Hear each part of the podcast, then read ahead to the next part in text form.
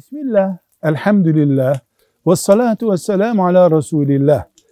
Kafirleri sevmemek ne demektir? Ya da bunun bir standardı var mı?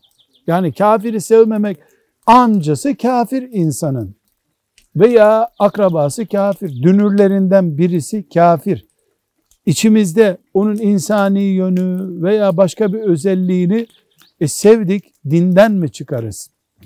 Cevabımızda bilmemiz gereken iki önemli nokta var. Bir, Allah müminler beraber olsun birbirlerini sevsin istiyorlar. İki, kafirlerin kafirlik boyutundan uzak durmamızı istiyor. Peygamber Efendimiz sallallahu aleyhi ve sellem amcası Ebu Talib'i seviyordu. Ebu Talip de Müslüman değildi. Bu bizim yemeği sevmemiz, tuzu sevmemiz, sirkeyi sevmemiz gibi bir şey. İnsan insanı sever.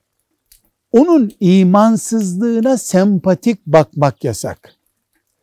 İmanı ülkenin, ırkın, akrabalığın, hısımlığın, ticaretin üstünde tuttuktan sonra bir insan öbür insanı sevebilir. Müslüman bir erkek Yahudi bir kadınla Hristiyan bir kadınla evlenebilir. Sevmese evlenmez herhalde. Demek ki allah Teala bu sevgiden gazap etmiyor. Müslümanlığı, Müslümanlığın dışında bir anlayışla dengeli hale getirdiğimizde sıkıntı ortaya çıkar. O sevgi yasak. Velhamdülillahi Rabbil Alemin.